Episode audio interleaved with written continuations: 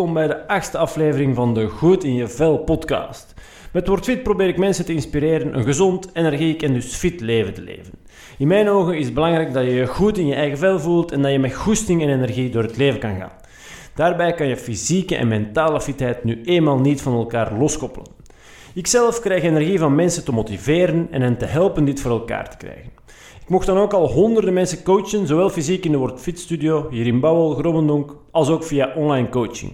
Dat ik al sinds 2011 mensen mag inspireren, motiveren en als ze er voorop staan ook helpen, daarvoor ben ik ongelooflijk dankbaar.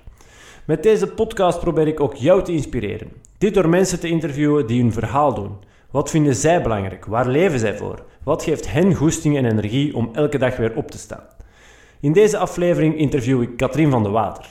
Katrien is een single mom die met passion for business ambitieuze onderneemsters begeleidt nog succesvoller te worden in hun business. Op haar 29ste had ze zelf af te rekenen met een burn-out. Dat was voor haar het signaal om het roer om te gooien.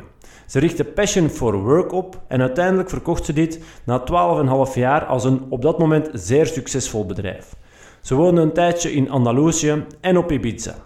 In dit interview heeft ze het onder andere over leven volgens je eigen ritmen, een kind in vrijheid zijn of haar ding laten doen, jezelf toestemming geven om zo in een stroomversnelling te komen en nog veel, veel meer interessante en inspirerende dingen. Ik zou zeggen, neem even een momentje voor jezelf en laat je inspireren door Katrien van de Water. Katrien, um, allereerst bedankt om, uh, om mij uit te nodigen en hier te ontvangen. Um, even vooruitspoelen om te kunnen terugkijken. -huh. Stel, je ligt op je sterfbed. Ja. Hopelijk mag dat nog lang wegblijven. Uh, welke dingen wil jij je dan vooral herinneren? Een leuke vraag, Free, om mee te beginnen. Wat ik me dan wil herinneren?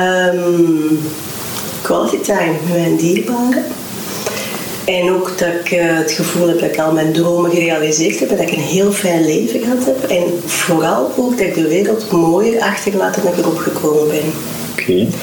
En die vraag um, is voor mij ook niet zomaar out of the blue, want um, ik heb ooit een zwaar ongeval gehad en ik ben toen bijna dood geweest. Ik was toen 25 en um, dat heeft mijn leven wel beïnvloed in de zin van op 25 denk je nog niet aan de dood. Dan ligt de wereld aan je voeten en door dat ongeval ben ik mij wel heel bewust gaan die vraag gaan stellen. Ja, het kan zo gedaan zijn, hoe wil ik dan leven? Dat is ja. En, en bijna dood uh, met, een, met een ongeval? Of? Dus met de fiets, uh, dus een, een dode hoekongeval, hè. een vrachtwagen. Dus ik wilde rechtdoor, de vrachtwagen wilde naar rechts, ik reed naast de vrachtwagen. Dus dat vrij snel. Hè. Ik bedoel, ja, ja. Dus ze hebben toen de ambulance gebeld en gezegd, hè, voor ongeval met vermoedelijk dodelijke afloop. Uh, ik heb toen vier maanden moeten revalideren en in die vier maanden, natuurlijk, je ligt daar en je kunt niks doen. Daar ben ik gaan nadenken. En ik werkte toen nog in loondienst, in het onderwijs. Mm-hmm. Met toen heel veel zekerheid en veel vakantie. En mijn familie die komt ook uit het onderwijs. Dus. En toen had ik zoiets van, maar dit is niet wat ik wil. En dan ben ik, uh, na mijn revalidatie, als ik terug van alles kon doen, dan, uh, ja, dan ben ik een ontslag gegeven. En dan ben ik... Uh, de bedrijfswereld ingegaan. En dan ben ik ook ja, alle dingen gaan doen die ik eigenlijk heel graag wilde. En dat is ook nooit gestopt. Okay, mooi, denk ik. Achteraf gezien, ik bedoel, ik zeg altijd, als je het leven niet leidt wat dat, wat dat voor jou bedoeld is, dan grijpt het leven in. En dat was voor mij echt een wake-up call, want ik zat vast in een stramien van dat onderwijs en dat was mijn ding niet. Mm-hmm. Ik leefde het leven wat mijn familie voor ogen had, maar niet wat ik echt wilde. Dus als, en, ja, Okay. Dus dat was mijn wake-up call. Ik, ik had zelf niet de guts om het zonder ongeval te beslissen.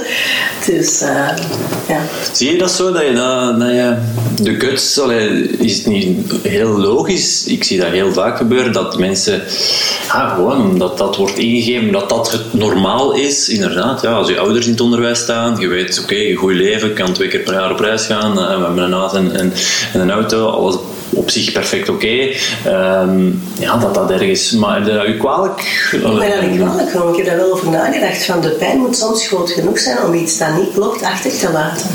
Want ik wist al wel dat dat niet klopte. Hè. Bedoel, ik was daar niet echt gelukkig in. Um, maar ja, ik doe maar voort. Maar dan denk ik, het leven is niet bedoeld om te blijven hangen in een situatie waarin je niet gelukkig bent. Hm? En daar moeten we wel de guts voor hebben om, om de, ja, de moeten om die stap te durven zetten. Hè, om, uh, om dat achterwege te laten. Dus goh, ik heb me dat niet kwalijk maar dat is nu wel iets. Ja, ik blijf nu niet meer hangen in dingen die niet kloppen. Oké, okay, uh, ik wil daar zo nog wel even verder op ingaan. Uh, maar voor degenen die, uh, die jou niet kennen, wie is uh, Katrien van de Water? Ja, is de moeilijkste vraag ever, hè?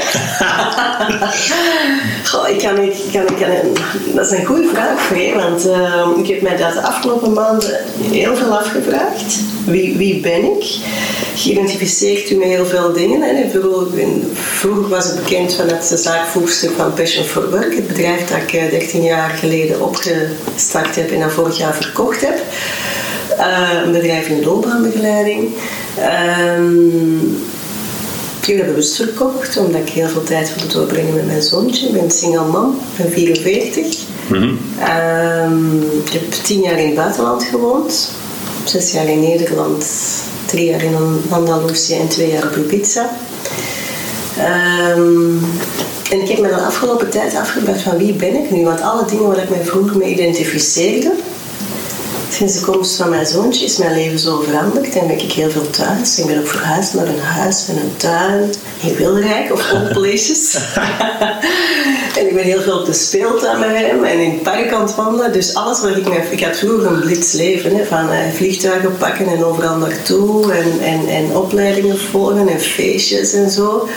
En sporten en reizen en alle dagen uit eten gaan. En nu heb ik een heel ander leven. En dan is de vraag, wie ben ik dan? En, en ik ben al die facetten. Ja, oké. Ik ben ook een bohemien, ik ben een pelgrim. Een paar keer de, de route naar Santiago gewandeld. Ik ben absoluut een ondernemer. Dat voel ik, dat is echt wel iets dat blijft. Ja, ja. en ik ben iemand die graag leeft. Dat is ook een constante. Oké, okay, en wat betekent voor jou graag leven? Nieuwsgierig zijn. Um, in alle ervaringen gaan kijken van ja, wat brengt dat mij? Hoe reageer ik daarop? Um, welke werelden opent dat? -hmm. Um, en daarom vind ik het ook fijn om, om, een kind te hebben, om ja, de contacten worden ook allemaal anders. Hè? Alles wordt herijkt precies. Ik weet, je hebt ook een ja, ja, eentje, ja, dus misschien dat je dat zelf ook ja. ervaart. Alles heeft iets een andere. Ja, alles is net iets anders. Hè? Ja. Dat, uh, ja. ja, ik ga de wereld ook met andere ogen bekijken hem. Ik heb nu ook elke hond gezien, want hij wil elke hond zien. Dus. Ja, ja. dus, um, op een andere manier nieuwsgierig.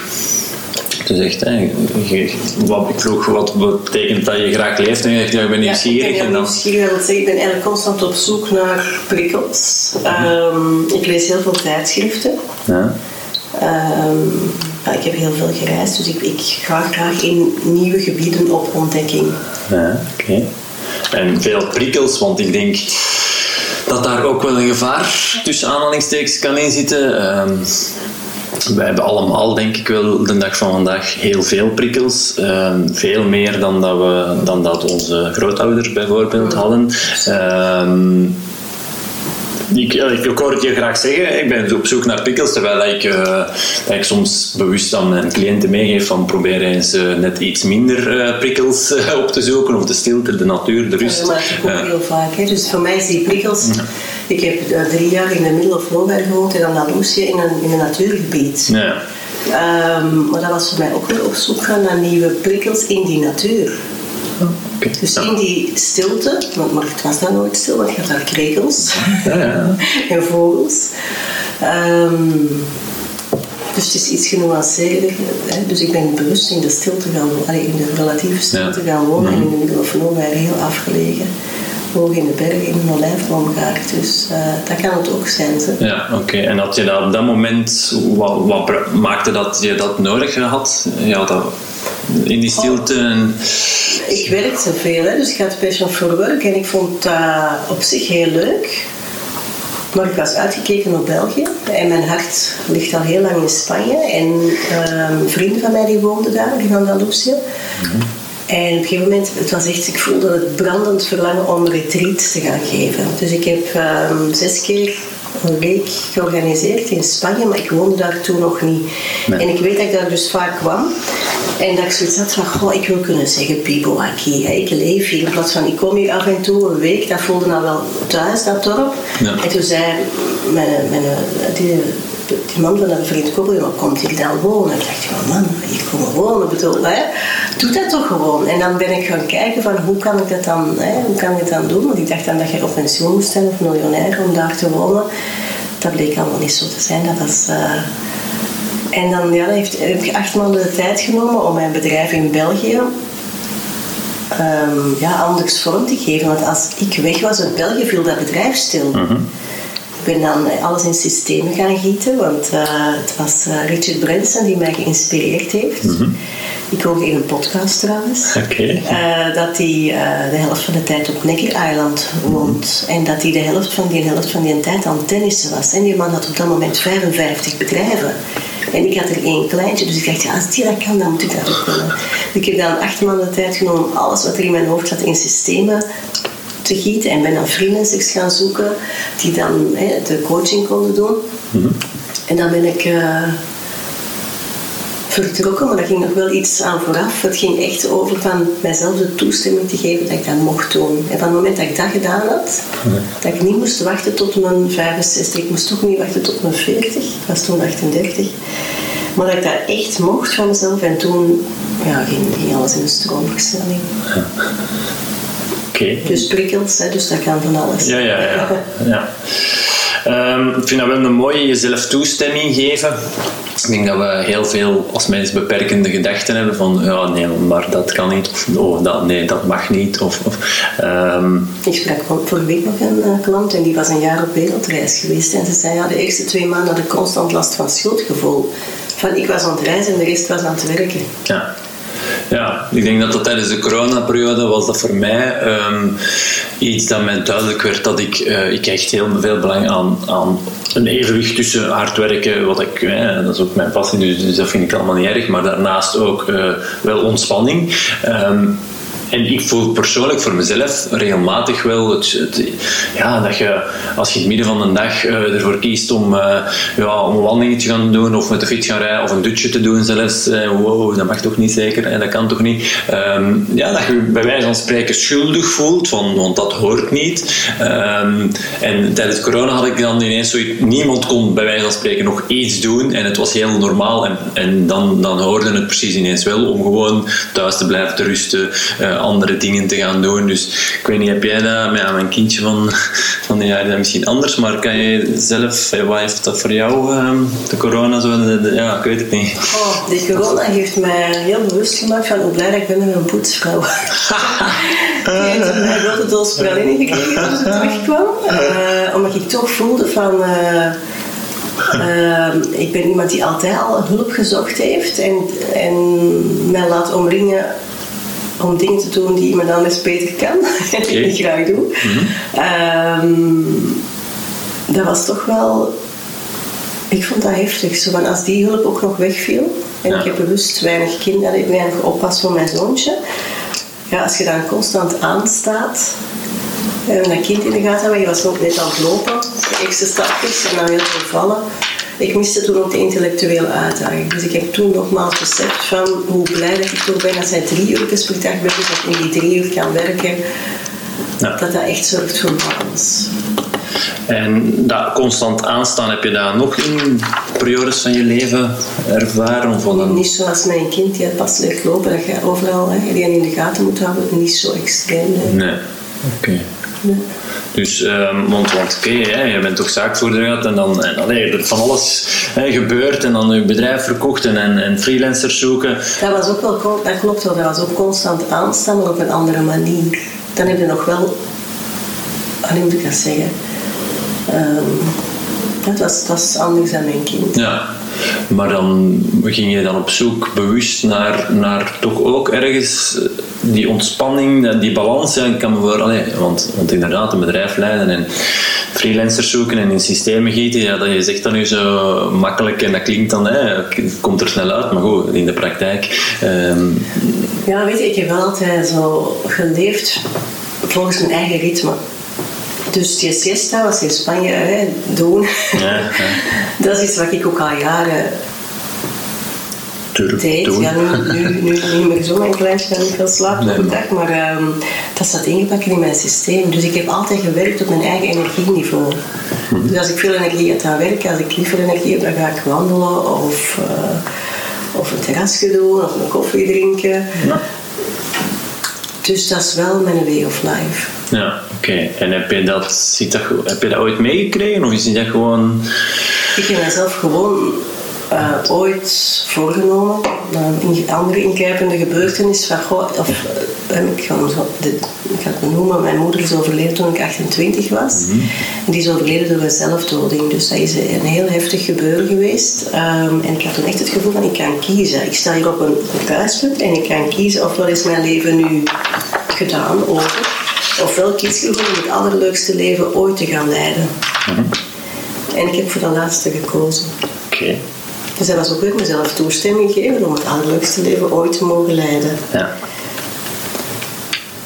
En ja, en dat betekent dat ik dikwijls aan mezelf vraag, ja, wat heb je nodig?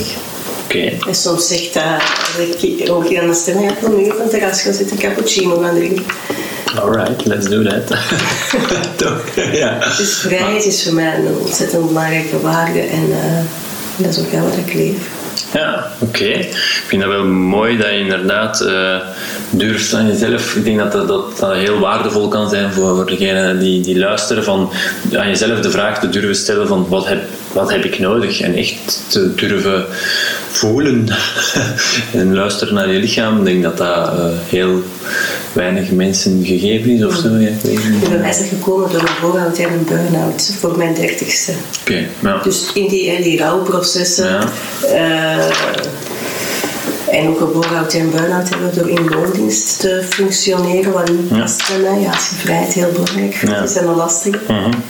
Dus dat is ook nu komt dat er allemaal vrij hè, snel uit, Ja, ja. maar dat gaat wel het een en het ander aan vooraf. Oké, ja. Ehm, Oké, en, en die burn-out, ehm, ja, ook ja, eh, heel veel mensen die daar de dag van vandaag wel ehm, met, met te maken krijgen. Hoe ben je daar ehm, doorgekomen? Eh, Kan je daar, Ehm, die bore-out, daar, daar, ehm, ik ben blijven werken toen, dus ik was recruiter bij een groot HR consultancy bureau. Ik had dat niet door. Op dat moment dat ik een bore-out had, dat was ook toen, in, we spreken het intussen toch van eh 20 jaar geleden, was dat woord nog niet bekend. Hè? Nee. Ehm, maar ik bezag aan mezelf dat ik niet mijn potentieel leefde.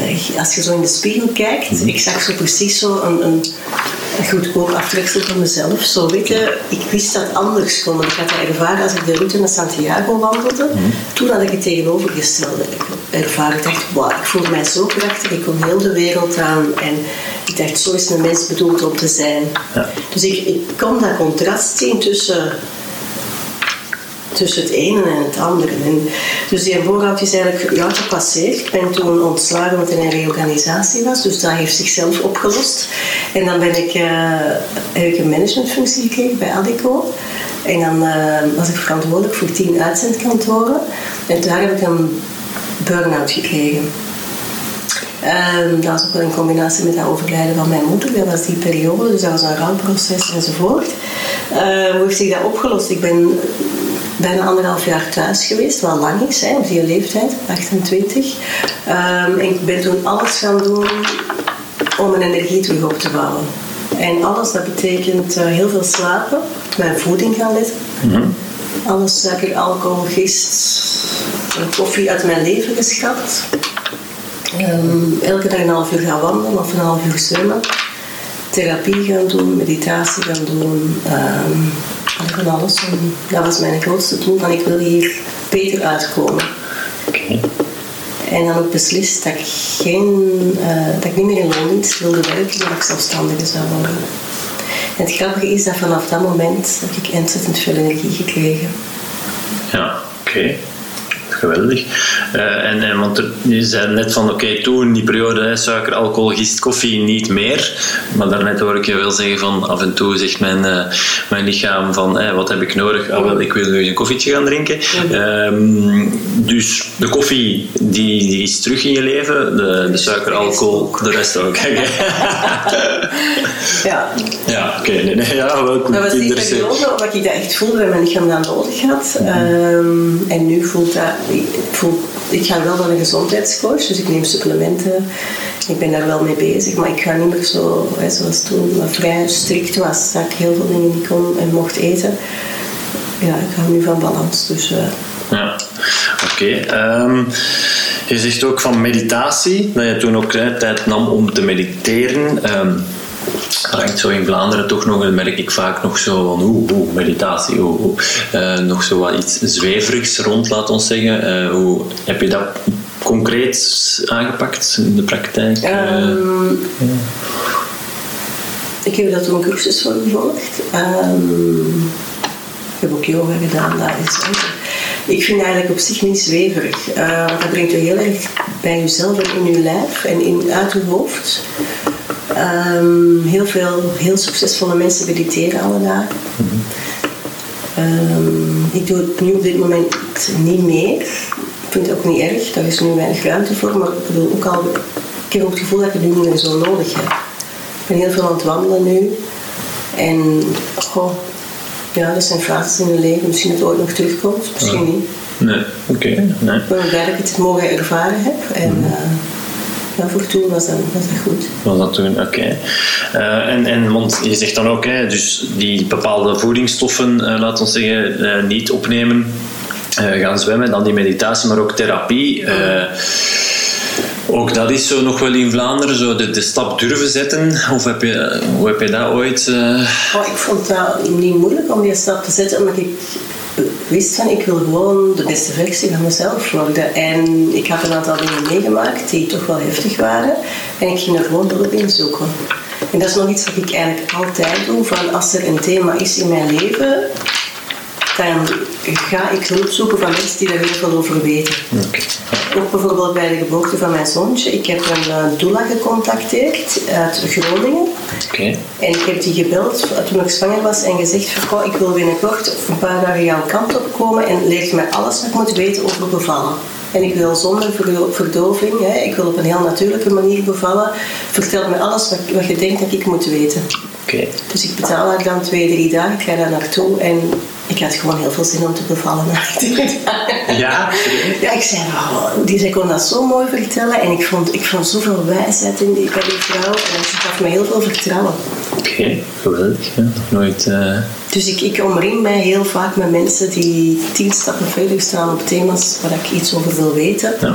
En ehm, dus hulp vragen of op in therapie gaan, is, dat is voor mij niet echt een grote stap. Nee, ik denk dat dat voor anderen wel soms. eh, maar ik denk dat het wel heel wijs is om inderdaad. eh, te, eens even in je omgeving rond te kijken en te kijken van oké goed, wie weet er op bepaalde dingen waar ik misschien minder van weet, maar wel graag in wil evolueren. Wie weet er daar meer over?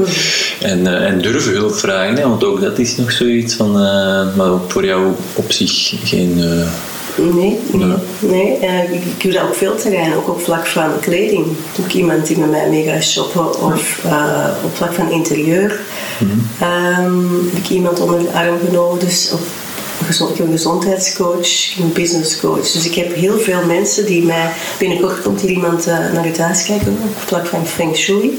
Hè, dus naar de energiestromen. Ik heb zoiets, ja, dat is die mensen een expertise. En ik huur die met veel plezier in om daarvan te leren.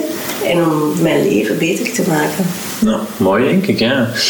Ehm, je zei daar straks van, het is denk ik toch wel belangrijk om, om ja, wat je echt wil. Hè. Ik heb dan ontslag eh, genomen. Ehm, ja, hoe kom je erachter van wat wil ik echt? Want dat is toch niet, ook niet evident.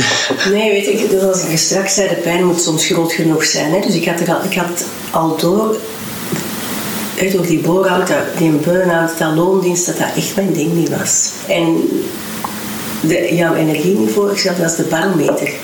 Als je er energie van krijgt, dan zit je op het goede pad. Als jouw energie kost, dan, niet, dan klopt het niet. Dus ik moest echt wel, allee, bedoel, er was genoeg gebeurd om heel duidelijk te maken van Katrien, kunt jij nu proberen zo goed en zo kwaad als je aan te passen. En in dat loondienst gebeuren, maar het, het, het werkt gewoon niet. Dus ik moest op een gegeven moment echt zeggen van, weet je, laten we het ermee stoppen. Ik vond dat super spannend, ehm, want ik kende geen ondernemers. Ik kom echt niet uit een familie van ondernemers. En de enige ondernemer die ik kende was een bakker in de straat, maar dat was het. Hè. Ja. Ehm, ik zat op dat moment in mijn leven in een fase. Ik was verhuisd naar Nederland, want ik was op de route naar Santiago een Nederlandse man tegengekomen, dat nadien mijn partner geworden is. Ehm, mijn moeder was overleden, dus ik zat in een ander land. Pas gaan samenwonen, mijn moeder was overleden. Ehm, ik had ook een andere job gekregen binnen Adeco, in een andere regio. Die relatie is dan aan de tijd toch stopgezet. Um, en ik had het gevoel van, goh, ik ben eigenlijk al zoveel kwijt. Ik ben mijn land kwijt, mijn moeder kwijt, mijn relatie kwijt. Ja, ik heb eigenlijk niks meer te verliezen, dus ik ga het maar doen. Ja, oké. Ja. En dan ben ik gesprongen.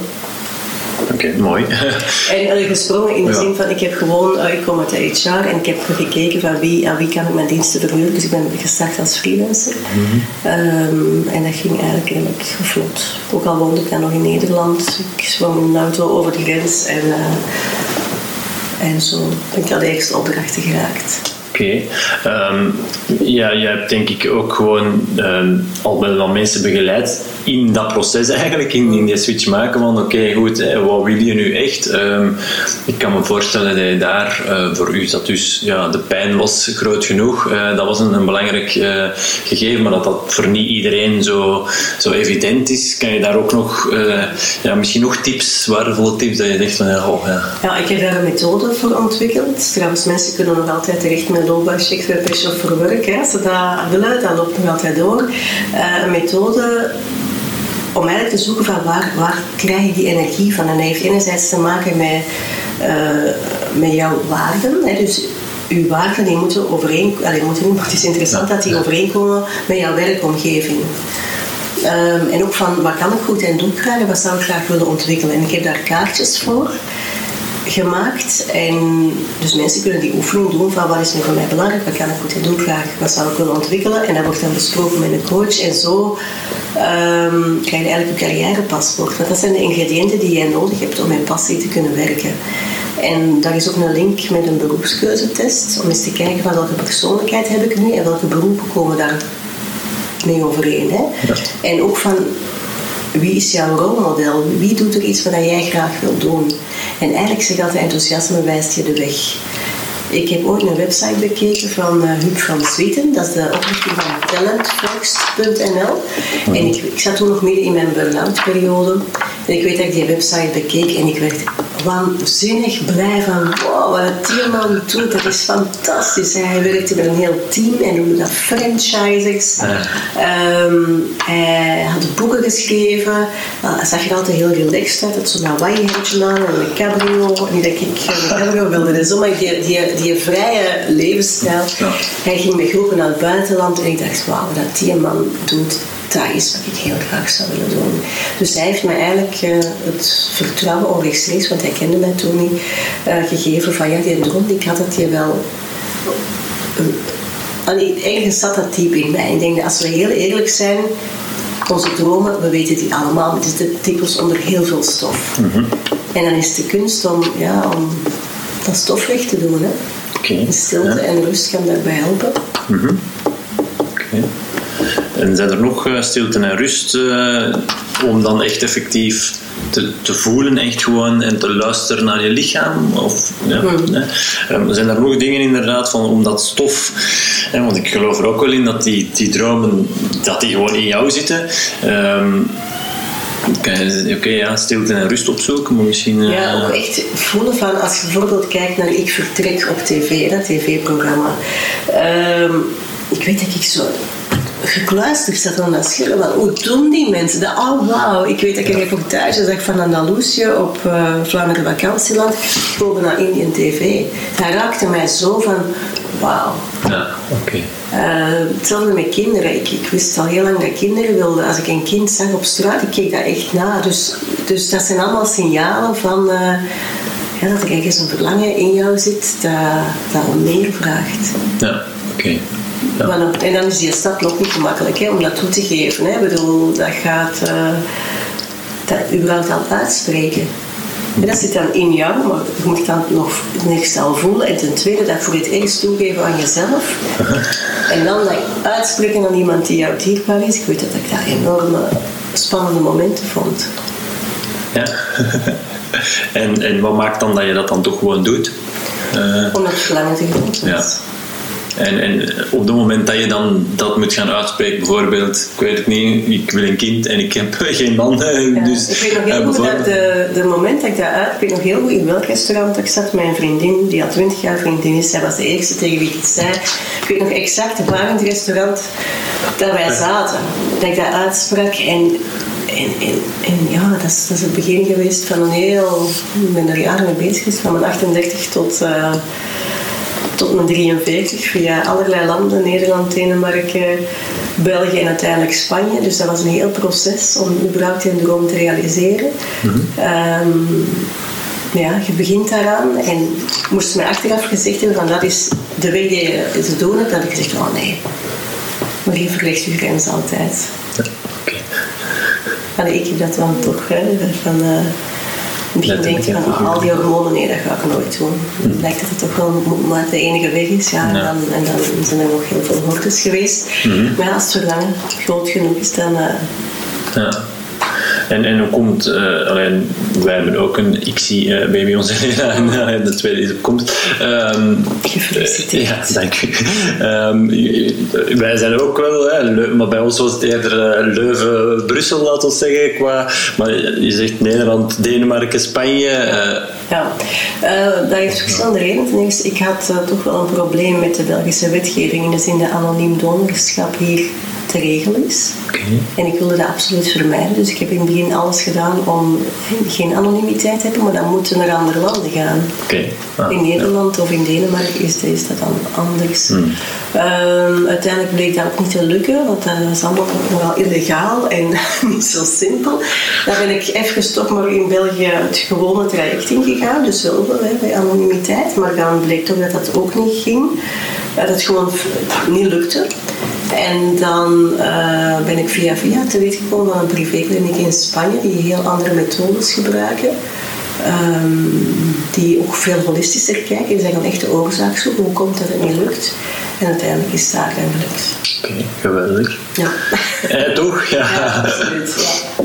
En je zoontje is nu één. Ja, ja. Ik zie hier hè, de, de kaartjes ja. nog. Um, wat, uh, wat heeft dat veranderd in jouw leven, Bruis? Alles. echt, okay. echt alles. Ik denk dat er geen enkel terrein is waar, dat, waar dat het niet veranderd heeft. En uh, ja, laten we misschien, het is misschien raar, maar positief ongetwijfeld. Maar Absoluut. ook. Ontzettend dankbaar. En het voelt echt als een, een godsgeschenk dat mijn grote droom in vervulling gegaan is. Mm -hmm. Ik had er al heel wat, hè, wonen in het buitenland en een bedrijf ja. oprichten enzovoort, maar dit was toch nog wel een andere orde. Um, ja, ik weet alles van allemaal wat het antwoord is, maar um, ik, zeg, ik Ja. had nooit gedacht dat ik moest mij twee jaar geleden of zelfs een jaar geleden gezegd hebben van je gaat in Wilrijk wonen, in een huis met een tuin, in een, in een gewone woonbuurt. Ik zeg, allee, kom maar, nee, nooit. Oké, ja. Ehm, je gaat heel veel in, in de buurt van, van je huis rondcirculeren, al wandelend. Je gaat heel veel wandelen en dan in een, heel veel op dezelfde plekken komen. Je zegt van, nee, nee. Ik, ik wil reizen enzovoort. Hè. Je gaat heel weinig werken. Ik werk max drie uur per dag is, is zijn naar de opvang. Dus ik die altijd zoveel gewerkt had. Uh, het sociaal leven gaat veel beperkter worden. Dat ik allemaal zoiets van, no way, dat kan niet. Mm -hmm. Dus op al die terreinen is er wel wat beweging geweest. Um, ik ben er heel blij Ja, maar ja, goed, als je inderdaad andere dingen voor in de plaats krijgt, ik denk niet dat jij nu nog te hard bezig bent van, oh, mijn vroeger leven. En nee. Weet je, dat was mooi voor toen, maar ik was er ook mee klaar. Natuurlijk is dat ook more of the same. Ja. Dus ik heb echt op de werksel gevraagd, ik ben toe aan een nieuw leven. Ja. Letterlijk is een nieuw leven gekomen. Ja, ja, oké. Okay, en ik heb mooi. een nieuw leven gekregen. Ja. ja, right, geweldig. Uh, Oké, okay, um, je zei er straks ook nog um, van, eh, um, stel je ligt op je sterfbed, uh, wat wil je vooral herinneren? Ja, quality time met dierbaren. Kan je daar iets, uh, wat is voor jou, we hebben het stukje al aangehaald natuurlijk, maar quality time, ja, nu met, eh, met het zoontje eh, tijd doorbrengen. Maar zijn er nog dingen dat je zegt van oh, dat is voor mij echt wel belangrijk? Ik, ben, ik heb dan tien jaar in het buitenland gewoond, dus ik heb mijn familie iets minder gezien, ook al hadden we toch nog wel quality time. Uh, maar ik maak er nu bewust nog veel meer tijd voor. Ik weet ook, mijn vader is nu 72. Um, ik vind het belangrijk dat mijn zoontje, zo'n opa, veel ziet. Mm We gaan bijvoorbeeld voor het weekend op weekend. Mijn vader gaat daar mee. Dus dat is ook wel bewust dat ik dat plan. En dat ik dat ook uh, ja, dat, dat, ik daar tijd voor maak. Ook uh, vorige weekend zijn er vriendinnen komen brunchen. Um, dus ik probeer toch wel, ondanks dat mijn kind niet altijd zo makkelijk is, toch wel tijd in te bouwen en heel bewust mensen te kiezen die, die voor mij belangrijk zijn. En, Mhm. ja. Oké. Ik denk dat dat inderdaad uh, dat dat ook wel een tip kan zijn om dingen echt gewoon in te plannen, want anders komt het er misschien gewoon niet van. Ja, zo snel. Ja, oh ja inderdaad. dus dat dat wel. En uh, ja, mensen bewust kiezen, hè. want ja, goed. Oh, ja, ik denk dat het, uh, dat wij, ik merk dat toch heel vaak dat mensen um, het gevoel hebben dat ze met Jan en Al een man nog moeten afspreken, om het zo maar even te zeggen. Hè. Ze, mensen met wie ze gestudeerd hebben, mensen met wie dat ze in de lagere school hebben gezeten, mensen met wie dat ze ooit op reis zijn geweest. Allee, oh, um, Ook daar is voor mij weer het van geeft het mij energie of kost het mij energie? Oké, okay. ik denk dat dat inderdaad een waardevol, uh, ja, dus denk ik, ja, in mijn boek bijvoorbeeld heb ik dat ook geschreven van je kunt bijvoorbeeld met één iemand de hele dag dat en dat en dat doen en, en, en s'avonds thuiskomen en nog altijd de wereld aan kunnen en je kunt soms gewoon iemand ik denk dat dat vaak toch met collega's of zo, je, komt en je spreekt daar twee minuten mee en je zegt gewoon leeg, leeg gezogen van energie. Dus dat dat inderdaad wel een belangrijke waardemeter kan zijn van als je met iemand samen zit, geeft dat mij energie of, of uh, uh, Oké, okay. um, je gaf ook aan van, van dromen. Um, heb, wat zijn jouw dromen nog? Uh, als, want bezig bij. Um, ah, wel, ik heb me die vraag ook nog gesteld hè, over relatie, want dat is natuurlijk een thema dat ik, wat ik in coaching heel veel naar werk. Um, ik zou het heel fijn vinden om, om ja, met mijn zoontje te gaan reizen. Bijvoorbeeld, um, ik heb toffe vakanties gezien met kinderen in Zuid-Afrika. Hij is nu nog te klein. Mm -hmm. Of um, we zouden normaal gezien deze zomer naar Mexico gaan. Want hij zou daar gedoopt worden. Okay. Um, dat is gewoon het Mexicaanse, dus dat was weet, belevenissen creëren. Ook weer hetzelfde met familie en dierbaren. Mm -hmm. um, dus mijn dromen zijn van, van hem ja, een goed fundament te geven en dat hij in alle vrijheid zijn ding kan doen. Ja. En ik droom ook weer terug van om op termijn, als hij wat groter is, met, naar Amerika te vliegen en daar de beste van de beste business cursussen te gaan volgen en mij te laten inspireren. Dat op dit moment niet lukt. Ik luister veel naar podcast nu. Ja, oké, okay, top. um, maar die hele grote dromen, zoals wonen in het buitenland, en, die, die, die, zijn weg. Hè. Die zijn gerealiseerd. Dat, dat hoeft daarom niet. Staat daar niet uit, maar dat niet precies. Ja.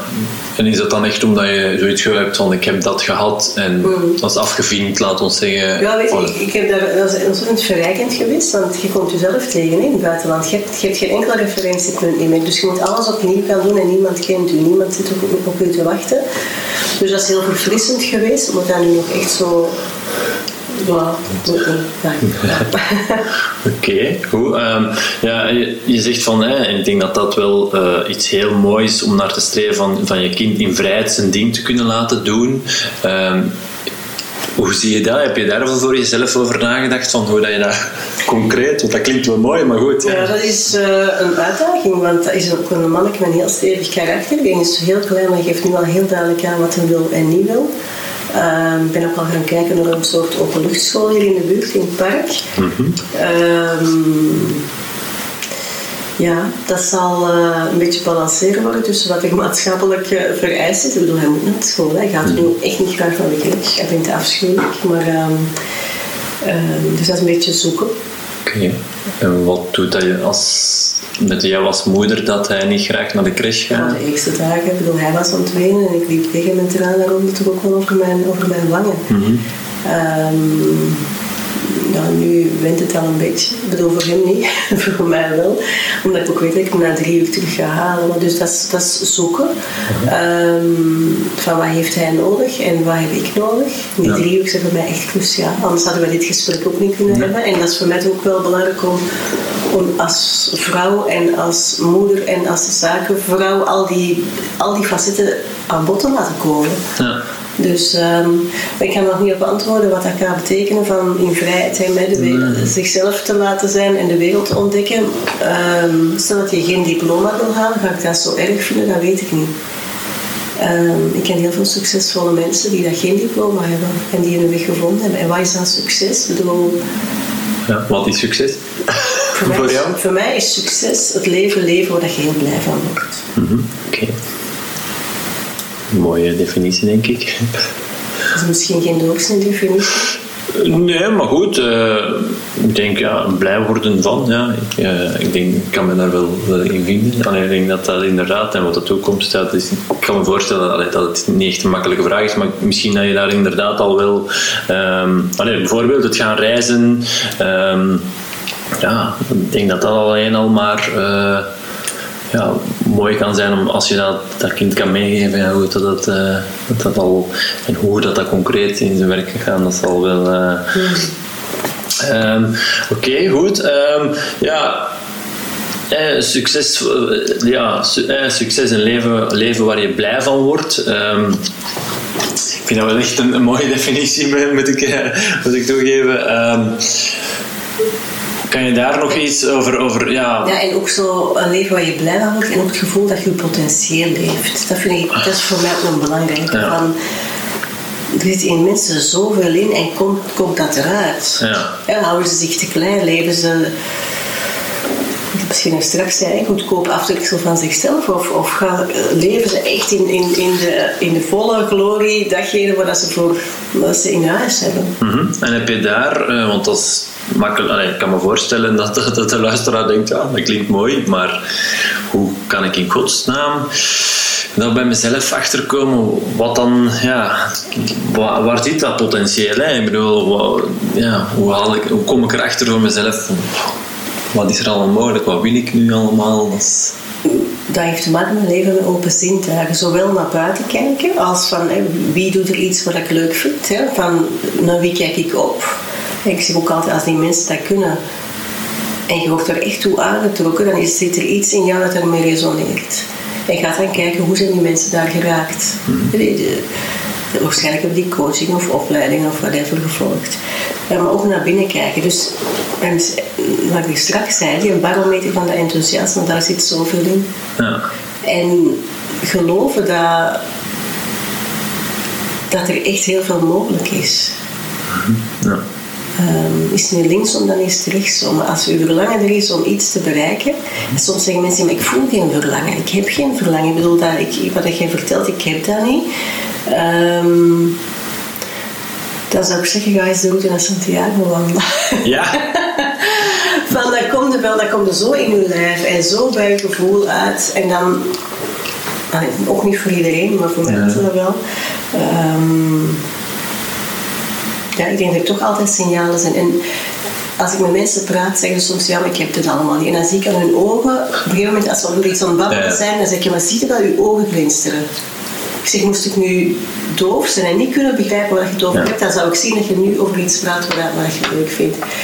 Je kunt ook aan de omgeving vragen van wanneer zie je mij shinen, hè? wanneer zie je mij stralen of welke boeken staan er in de boekenkast. Daar zit ook dikwijls een rode draad in. Mm -hmm. En ik kan me voorstellen, ik heb u huis nog nooit gezien, nee. als ik voor de boekenkast ga staan, dat er heel veel over gezondheid ja. in staat. Ja, en misschien vroeger al, voordat je hier professioneel mee bezig was. Ja. Oké, okay, ja, inderdaad. Interessant. Ik denk dat dat wel een, een concrete tip is waar dat luisteraar echt iets mee kan. Hè? Dat je inderdaad gewoon voor je boekenkast eens gaat, gaat staan en dan zegt oké, okay, waar is die, welk is die rode draad hier? Uh, over boekenkasten gesproken, uh, ik vraag het regelmatig wel eens van oké, okay, zijn er voor jou boeken die je, die je kan zeggen, lees jij zelf bijvoorbeeld? Allee, dat dan eerst wel? Nu. Nu niet meer, maar... Ik heb heel veel gelezen. Ja. Um, Het boek dat ik nu afgelopen week besteld heb, Ja. eh, voor het eerst in een jaar heb ik ook niet meer naar de crash gaan, heb ik wat meer gaan kunnen lezen, eh, is het boek Rijke Pa, Arme Pa van Robert Kiyosaki. Ik heb dat boek tien jaar geleden gelezen en voor mij was dat toen echt life-changing.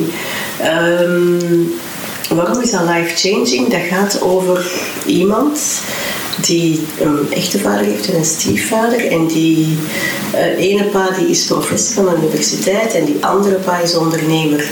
En hij leert die twee leefwerelden kennen. En die professor is tegen alle verwachting in de arme pa. Want je verdient op zich wel zijn kost, maar dat geld wordt niet goed beheerd en laat ook altijd op op het einde de maand. En een andere pa is een ondernemer en die gaat af en toe eens failliet, maar die begint opnieuw. En die heeft bronnen van passieve inkomsten en die heeft investeringen in vastgoed enzovoort enzovoort. Dus hij leert die twee leefwerelden kennen. En toen ik dat boek tien jaar geleden las, had ik zoiets van, ah, er bestaat dus nog iets anders dan wat ik ken. Dus er ging een hele nieuwe wereld open. Het frustrerende was dat ik dan wel wist dat er een andere wereld was, maar dat ik absoluut nog geen idee had hoe dat ik nu de brug moest maken tussen wat ik toen stond en die nieuwe wereld. En dan ben ik weer hulp gaan zoeken. En dan heb ik een financiële expert onder de arm genomen die met mij... eh, ik ben eerst gaan leren hoe dat je geld moest verdienen. Hè, want als je geen geld hebt, kun je ook niet investeren. Dus dat heb ik daar geleerd, heb ik toegepast. En als ik dan... Dan ben ik gaan zien, hoe moet je dat geld nu goed beheren. En dan heb ik een financiële expert onder de arm genomen. En heb ik vormen van passief inkomen kunnen opzetten. Wat ook maakt dat ik nu heel weinig werk, omdat er toch Iets geld. Langs alle andere kanten komt. Hè. Eh, en het leuke is dat, dat dat exact is wat ik nu met klanten doe bij Passion for Business. Dus ik help ondernemers om geld te leren verdienen en ook om geld goed te beheren.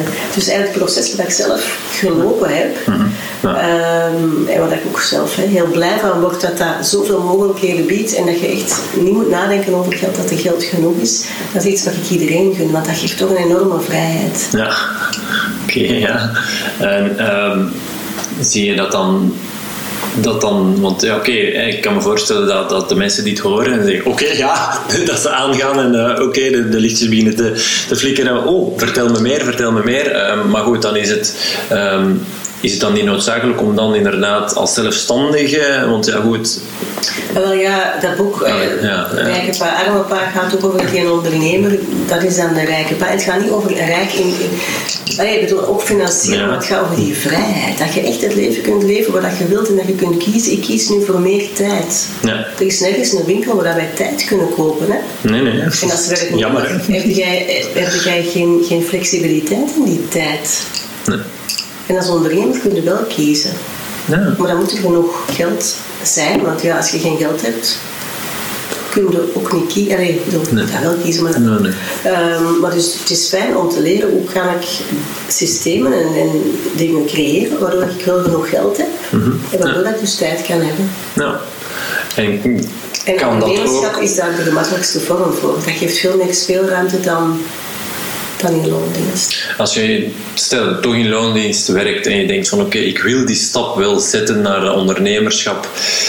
Maar ja, op dit moment, eh, ja, ik kan niet gewoon mijn job opgeven en zeggen, ja, daar stop ik en, en wat dan? Hè? Dan, dan is er in eerste instantie niet genoeg financiële eh, slagkracht om, om dan verder te leven. Ehm, zeg je, misschien is het dan toch een idee van in bijberoep al wel Ik passief. in de- ja, die passieve inkomstenbronnen waar ik mee werk, die zijn gelieerd aan jouw business. Dus als je een business, als daar geen geld binnenkomt, zijn die, die passieve inkomsten ook nog te weinig. Maar ehm, wat je aanhaalt van het beginnen in bijberoep, is iets wat ik wel een goede vind. Van, eh, ik geloof in de weg van de geleidelijkheid. Mensen die zo heel impulsief zeggen, oh weet je wat, ik ben het allemaal beu en ik geef me ontslag en dan zien we wel. En die dan zal wel beginnen als zelfstandige. Dan heb ik zoiets van, wow, eh take it van denk daar goed over na. Wat ga je doen?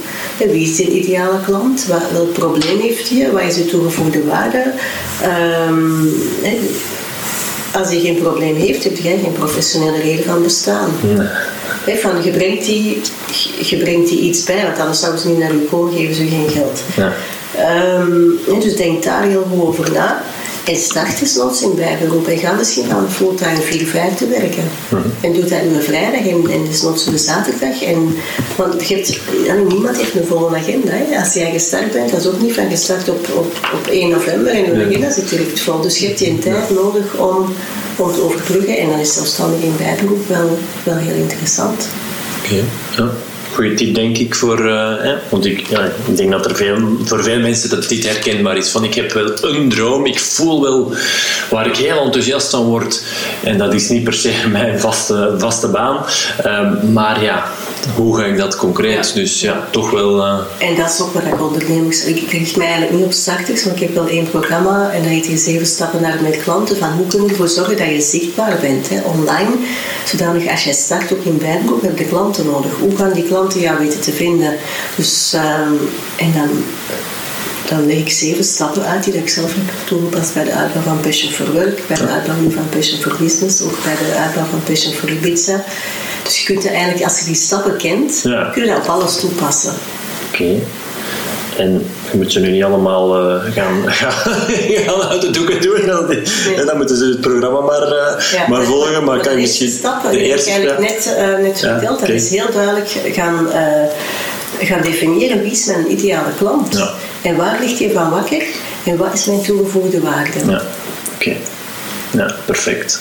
En dat, daar is, ehm, is het belangrijk om, om echt te durven kiezen. Ja.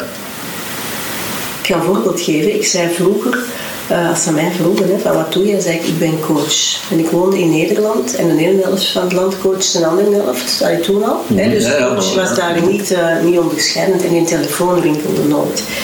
En dan ben ik naar de Personal Branding Academy geweest. Heb ik daar ook allemaal geleerd hè, hoe het dan werkt. Om een sterk merk te worden. En toen ben ik gaan zeggen, ik ben ehm loopbaancoach voor hoogopgeleide dertigers en veertigers die worstelen met hun loopbaan. Dus dat ze hun droombaan kunnen realiseren. Ja. Dus van coach naar loopbaancoach voor hoogopgeleide dertigers en veertigers die worstelen met hun, hè, hun loopbaan. Zodat ze- Dus, dus die, dat werd veel concreter. ja. En dat lijkt nu zo een gemakkelijke zin, maar ik heb daar drie slapeloze nachten van gehad. Hè, voordat ik die naar buiten durf te brengen. Want Ik dacht wel, mensen gaan een arrogante madame vinden, hè, hoog opgeleid. En, en dertigers en veertigers, ja, en wat met al die leuke twintigers en wat met al die leuke vijftigers, en die er nog wel durven komen. Maar ik had niks te verliezen, want ik had één plan per maand op dat moment, wat veel te weinig was. Hè. Eigenlijk had ik dan freelance opdrachten. Ehm, en ik ben dat gaan doen en drie dagen later ging mijn telefoon en JobEd belde mij. En JobEd zei, jouw doelgroep sluit aan bij de onze. Zou jij voor ons artikels kunnen schrijven en zou jij voor ons ehm, op de Career Launch een workshop kunnen geven? En die telefoon is een wereld van verschil geweest. Moest die telefoon niet geweest zijn, weet ik niet dat wij vandaag gezeten hadden. Dus dat heeft enorm veel impact. Ja. Dat heeft gezorgd dat we duizenden en duizenden mensen hebben kunnen bereiken. En ik had een mailinglijst van 25.000 man bij Passion for Work. En dat had heel erg te maken met die, met die, met die visibiliteit in. Hè. Ja. Ja, zeker. Dus echt wel durven, Durven kiezen. durven kiezen, heel concreet. Heel eerlijk zijn met jezelf van met welke klant werkt je het allerliefste. Ja. En daar niet bang zijn om te eng te zijn, want het is net, mensen denken altijd van, oh, dat moet, veel, dat moet veel breder, ik wil iedereen helpen. Nee, iedereen, dat plakt niet, dat blijft niet, dat wordt niet iemand magnetisch. Nee, oké. Top. Ik denk een heel waardevolle, waardevolle tip. Ehm, Rijke pa, arme pa ehm, gaf je aan als boek. Zijn er nog, nog meer boeken dat je zegt... Als je die niet gelezen hebt, dan... Eh, het boek ehm, Vraag en het wordt gegeven van ehm, Hicks, Abraham Hicks, H-I-C-K-S. Vind ik ontzettend waardevol, omdat dat heel erg werkt met ehm, de kracht van gedachten. En dat alles energie is. ja? Eh, en dat elke emotie een bepaalde trillingsfrequentie heeft. En bijvoorbeeld boosheid heeft een heel lage trillingsfrequentie en vreugde een heel hoge. Ehm, en hoe dat je daar eigenlijk in je dagelijks leven mee kunt spelen. Oké. En als jij een hoge frequentie hebt, dan word je aantrekkelijk voor andere mensen, maar ook voor succes en voor overvloed en voor relaties. En dat is een boek, ehm, dat was ook echt een life changer. Want het leven is niet altijd roze geur en maneschijn. Bij niemand. eh, maar hoe ga ik daarmee om? Mhm. Ja, en daar heb jij voor, door dat boek te lezen, Ben ik dat gaan leren. Hè, van, Ja. ja. ja, hoe, ik ben mij heel erg bewust geworden van, van dat alles energie is. En ik ben ook heel veel gaan luisteren naar, eh, op YouTube. Ik vind er heel veel filmpjes van Higgs. Dus ik denk dat ik, ik heb ze niet allemaal beluisterd. Ik heb er toch heel veel... eh, dus dat wordt, een, dat wordt een manier van denken, van, van leven. oké, top. Ik denk dat dat ook eh, heel waardevol uh, Ja, en het boek De Alchemist voor mensen die, eh, van Paulo Coelho. ja. Zo'n klassieker. ehm, voor mensen die, die zo hè, zoekende zijn. Mhm. Ik weet dat ik daar het ook wel aan gehad heb toen. Oké. Geweldig. Alright. Ehm, en welke periode in jouw leven hè, want, eh, heb jij die dan, hè, zegt voor mensen die zoekende zijn, kan je dat nog herinneren dat je zegt van ah, toen heb ik dat uh, al gemist? Uh, Dat was zo ja, in de periode rond mijn 28 Ja. dat ik echt zoekende was. Ja, en, eh, burn-out zelfs. ja, En dan- ja. En Paulo Coelho ken ik al. Ja. Het, ehm, van de oever van de Piedra huilde ik gelezen heb. vind ik ook een prachtig boek.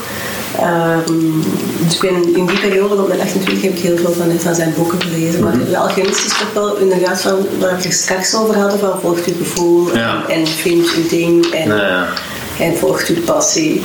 Ja. oké, top. Right. ehm, ja, ehm, ik, ik denk van, zijn er nog, allee, als ik nu aan jou vraag van, Katrien, is er nog iets dat ik, eh, dat ik niet gevraagd heb, maar wat- van dat jij echt zoiets hebt van, dat wil ik echt wel de, de luisteraar nog wel echt meegeven, dat ik als het gaat over je goed in je vel voelen, eh, we hebben al wel heel veel dingen besproken, maar, maar Dat is iets heel simpel. Ik heb dat ook zelf ook gelezen. Hè. Dus ik, ik heb me een tijd verdiept in het boeddhisme. En daar gaat zoiets heel simpel en dat heeft mega impact. Hè, van congruentie tussen denken, voelen, doen. Dus zie dat dat op één lijn is. Dat stond bij in dat boek dat ik toen las, van, ja, dat is de sleutel tot geluk. Ja. En, en ik geloof daar ook echt wel in. oké. Ik geloof erop. Als je dat doet en dat op één lijn brengt, dan gaat alles, in, alles beginnen stromen. En dat is wat ik straks ook zei, van jezelf je mooiste leven gunnen. ja, mooi. Oké, top. Ehm, stel, je, eh, je fitheid betekent dat je je gezond en energiek voelt eh, op een schaal van 0 tot 100. Als ik vraag, Katrien, hoe, voel, hoe fit voel jij je dan? Eh, hoe gezond en energiek voel jij je op dit moment? Ehm, het is geen honderd, met veel de korte nachten met een baby. Ehm, en ik ben al even naar de sportschool geweest, maar ik voel me al bij al toch wel energiek. Ehm, en ik, ik zou zeggen 80. Dus er is nog ruimte voor verbetering. Ja. Maar al bij al, gezien de omstandigheden, ik heb over laatst ook een test laten doen eh, bij de fitness en dat was, mijn conditie was echt supergoed. Ja. Als je mijn gewichtje van 11 kilo elke dag veel wandelt, Ja. blijkbaar draagt dat ook bij aan de conditie. Ja, ja, oké. Ja, dus, eh, En ehm, heb je in, op korte termijn zoiets van moet naar de richting de 100? No, nobody's perfect en, en het kan misschien. nu, ik ga wel het sport opnemen zodra dat ik iets meer ruimte heb. Als mijn Ja. iets meer uur naar de crash gaat, is dat wel een prioriteit. Dus dat gaat niet meer werken. Oké, ja, Dan ga ja. ik eh, meer naar de sportschool. En is eh, de fitness of de sportschool iets wat, dat, wat dat jou echt gelukkig maakt? Of, of, Ja. eh, ja. Ja, ik geloof echt van een gezonde geest en een gezond lichaam. Ik heb altijd heel veel gesport. Ja. Ehm, ook heel oud worden. Ja, En ik weet ook dat ik dan ja, goed voor mijn lichaam moet zorgen. Niet moet, maar wil. ja oké. En zijn er nog andere sporten? Je hebt altijd graag sport. Nog andere dingen waar dat je van, van, van beweging, van sporten... Je hebt gezegd, je, je wandelt wel wat. Ehm, zijn er nog zo dingen dat je zegt van... ah, ja. ik heb heel veel gezwommen. Heel Ja. veel tennis, Ja. wielrennen, Oké, ja. eh, aerobics. Oké, top. Ik ben ooit echt sportverslaafd geweest toen ik 16 was. Ja? Ja. Oké, eh, misschien ook nog wel even interessant om daar uh, iets uh, hoe kwam dat en hoe heb je, kan je dat sportverslaafd? Hoe kwam dat? Goh, um, dat is een goede vraag hoe dat kwam. Um, ik was gefascineerd door het menselijk lichaam en ook van hoe dat je dat kunt beïnvloeden. En zeker als je zo jong bent, als je dan veel sport, heeft dat heel veel effecten. Hè? Dus je bent in no time heel afgetraind. ja, ja. um, en ook daar, hè, van hoe kom je daarachter dat je dat hebt? Mijn oog, als, als er een wielrenner passeerde, ja. vond dat gewoon een heel mooi silhouet. Hè? Zo iemand op de fiets en dan die gespierde benen. En, en gefascineerd door spieren en, en ook door sportmateriaal. En ik ging er heel veel over lezen. Mm -hmm. um, zo'n beetje ja, die controle, op, ook controles. Het was, niet, het was niet alleen positief, het was ook eigenlijk een beetje, ja, uh, er zit ook een negatieve kant aan. Ik snoepte ook echt niks. Dus ik, had ja. ontzettend gezond, maar dat was een beetje erover. Ja, ja, oké. Okay, ja. En ik moest ook elke dag heel mijn riedel aan sportactiviteiten gedaan hebben. Dus dat was een beetje dwangmatig. Ja. Um, dat heeft zich wel gek ook eigenlijk bedoel gesteld. Ja, ja. Ik heb dan blessures gekregen en dan, dan kon ik niet meer zoveel sporten. Um, ja, dat was die periode in mijn leven. Ja, oké. Okay. Um, misschien nog wel um, één ding. Hè. Je zegt van als je jong bent en je traint wat, in no time ben je afgetraind.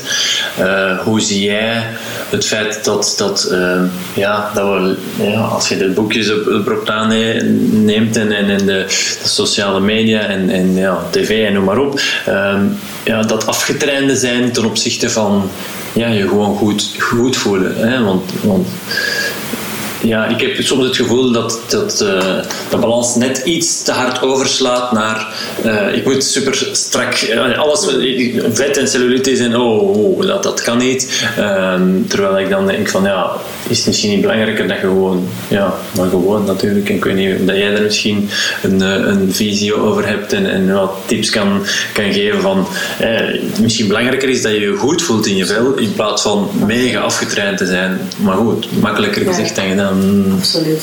Ik volg jou helemaal. Je hebt heel veel modellen die zich helemaal niet goed in hun vel voelen, maar die bloedmooi zijn. Hè? Ja. Toch zie je dat. Hè? Ik bedoel, iemand die, die ik heb ooit uh, van alle cursussen gedaan, uh, de spiegeloefening mogen doen om dus echt naakt voor de spiegel te gaan staan. En echt te kijken naar jezelf. Hè? Uh -huh. En je eigen te zien en uit de buitenwereld zien. Want het is heel belangrijk dat je jezelf ziet. En hoe je van jezelf gaat houden. En, en dat is ook een thema dat heel vaak in de coaching voor, um, aan bod komt. Ja, dat is zelfliefde. Mm -hmm. ja. En kan je daar nog tips, zelfliefde, om die te laten toenemen? Dus is naakt voor de spiegel gaan staan en eens kijken en, en wat is er. En, en ja, met, met een milde blik naar jezelf kijken. En ja, ook daar weer hè, over zelfliefde, van dat je jezelf je mooiste leven mocht gunnen. Daar moet ik straks over hebben. Hè. Ja. Dus dat er wel meer is dan ja, dat vetrolletje of alleen dat dan niet per se. Ja. Dus toch meer focussen op oké, okay, welk leven wil ik leiden? Wat kan ik eraan doen om dat leven te leiden? Waardoor dat, dat, dat lichaam dan, de, de carrosserie, misschien net iets minder belangrijk wordt en wat Dat is ook voordeel van ouder worden, vind ik. Van, bedoel, je wordt daar milder in naar jezelf en ook naar anderen. Heb je, ja, vind je dat voor jezelf? Ja. Ja, want in de praktijk merk je dat dat niet bij iedereen zo Ik heb, ook, ik heb me een tijd verdiept in, in tantra. Uh, bij veel mensen gaat dat zo van, uh, tantra. Uh, het was een hele gecultiveerde vorm met heel veel respect. Mm-hmm. En daar hebben we dat geleerd. Wij moesten in een in groepjes van drie in, in lingerie, het was enkel wij, onder vrouwen voor je spiegel gaan staan en benoemen welke deel van ons lichaam dat wij sensueel vonden. En ik heb die oefening gedaan met een vrouw die als die, die cursus binnenkwam, dacht ik, dat is bizar dat die vrouw dit komt voor. Die was zo heel ja. hoekig, bijna een mannelijke vrouw, vierkantig zo, weet je, zo. Ja. Heel kort haar en echt zo'n blokje. Ja. dacht ik, die, die hele cursus ging over vrouwelijkheid, over sensualiteit. Dus ik vond dat bizar. Nu, ik heb het genoegen gehad om die spiegeloefening met haar te mogen doen en ze heeft mij zoveel geleerd. Want die vrouw was uiterlijk was die niet zo mooi. Niet het beeld dat wij hebben van een vrouw. En die kon zo vol overgave benoemen wat zij sensueel vond. Van de haren en mijn ogen, ik ging heel anders naar haar kijken. En zij heeft mij heel veel geleerd van, van um, uw eigen schoonheid toe-eigenen. Mm -hmm. Oké. Okay. Um, kan je daar meer over vertellen? Je eigen schoonheid toe-eigenen? Ja, dus door, dus misschien vindt u over het algemeen niet helemaal knap, maar er zijn af. Bijvoorbeeld, ik kan zo zeggen: Oh, ik heb zo'n zo'n zachte huid. Ja, bedoel, begint daar met stukken van uw lichaam. Van, oh, mijn huid is mooi. Of, oh, mijn ogen zijn mooi. Of, en kijk naar die ogen. En um, ja, dat eigenlijk. Oké, okay, ja. Want je hebt mensen genoeg die daar uiterlijk heel mooi zijn. Heel de wereld vindt die mooi, maar die vinden zichzelf niet mooi. En dan zie je aan die uitstraling. Ja. En dan niet hoe dat ze lopen. En, en dat is eigenlijk zonde, hè? Tuurlijk, zeker. Ja. Ik denk dat jij dat heel vaak tegenkomt hè, in jouw vak. Ja, ja, zeker. Mensen ja, die, die zich in één kruil, ja, die voorover gaan buigen om, om maar niet gezien te worden en, en ja, zichzelf niet mooi vinden. En dan, ja, goed. Ja, dus in de ze leren zichzelf te zien. Hè. Ja. Vorige week zei een klant van mij van, oh, ik ben jou zo dankbaar, want jij ziet mij. Jij ziet mij in, in, mijn, in mijn potentieel als onderneemster enzovoort. Ik heb haar ook aangeraden, dan doe de spiegel want ik zie jou, maar ik denk dat jij jezelf ook niet genoeg ziet. Ja kan misschien confronterend zijn, maar net daar zit dan wel de, de groei en de kracht van, van het ontdekken van oké, goed. Ja. Oké, super. Uh, mooie afsluiter lijkt me. Om, uh, ik denk dat de mensen uh, heel wat tips hebben meegekregen waarmee ze aan de slag kunnen. Um, goed, ja. Um, ik wil jou nog eens hartelijk bedanken voor dit, voor dit interview. En oké, okay. dankjewel. Ziezo, dit was hem. Ik hoop dat jij uit dit interview ook weer al heel wat waardevolle inzichten hebt kunnen halen. Wil je nog verder geïnspireerd raken om je goed in je vel te voelen en met goesting en energie door het leven te gaan? Dan stel ik voor een kijkje te nemen op wordfit.be. En mocht je mijn boek Fit zonder fitness nog niet hebben aangeschaft, dit kan ook voor jou een duwtje in de rug betekenen. In de volgende aflevering interview ik Tatjana van Strien. Deze Nederlandse is dokter in de psychologie en hoogleraar eetgedrag. Zij zette haar carrière in het van onderzoek naar emotioneel eten. Ook het interview met haar is er weer eentje geworden om naar uit te kijken. Tot binnenkort!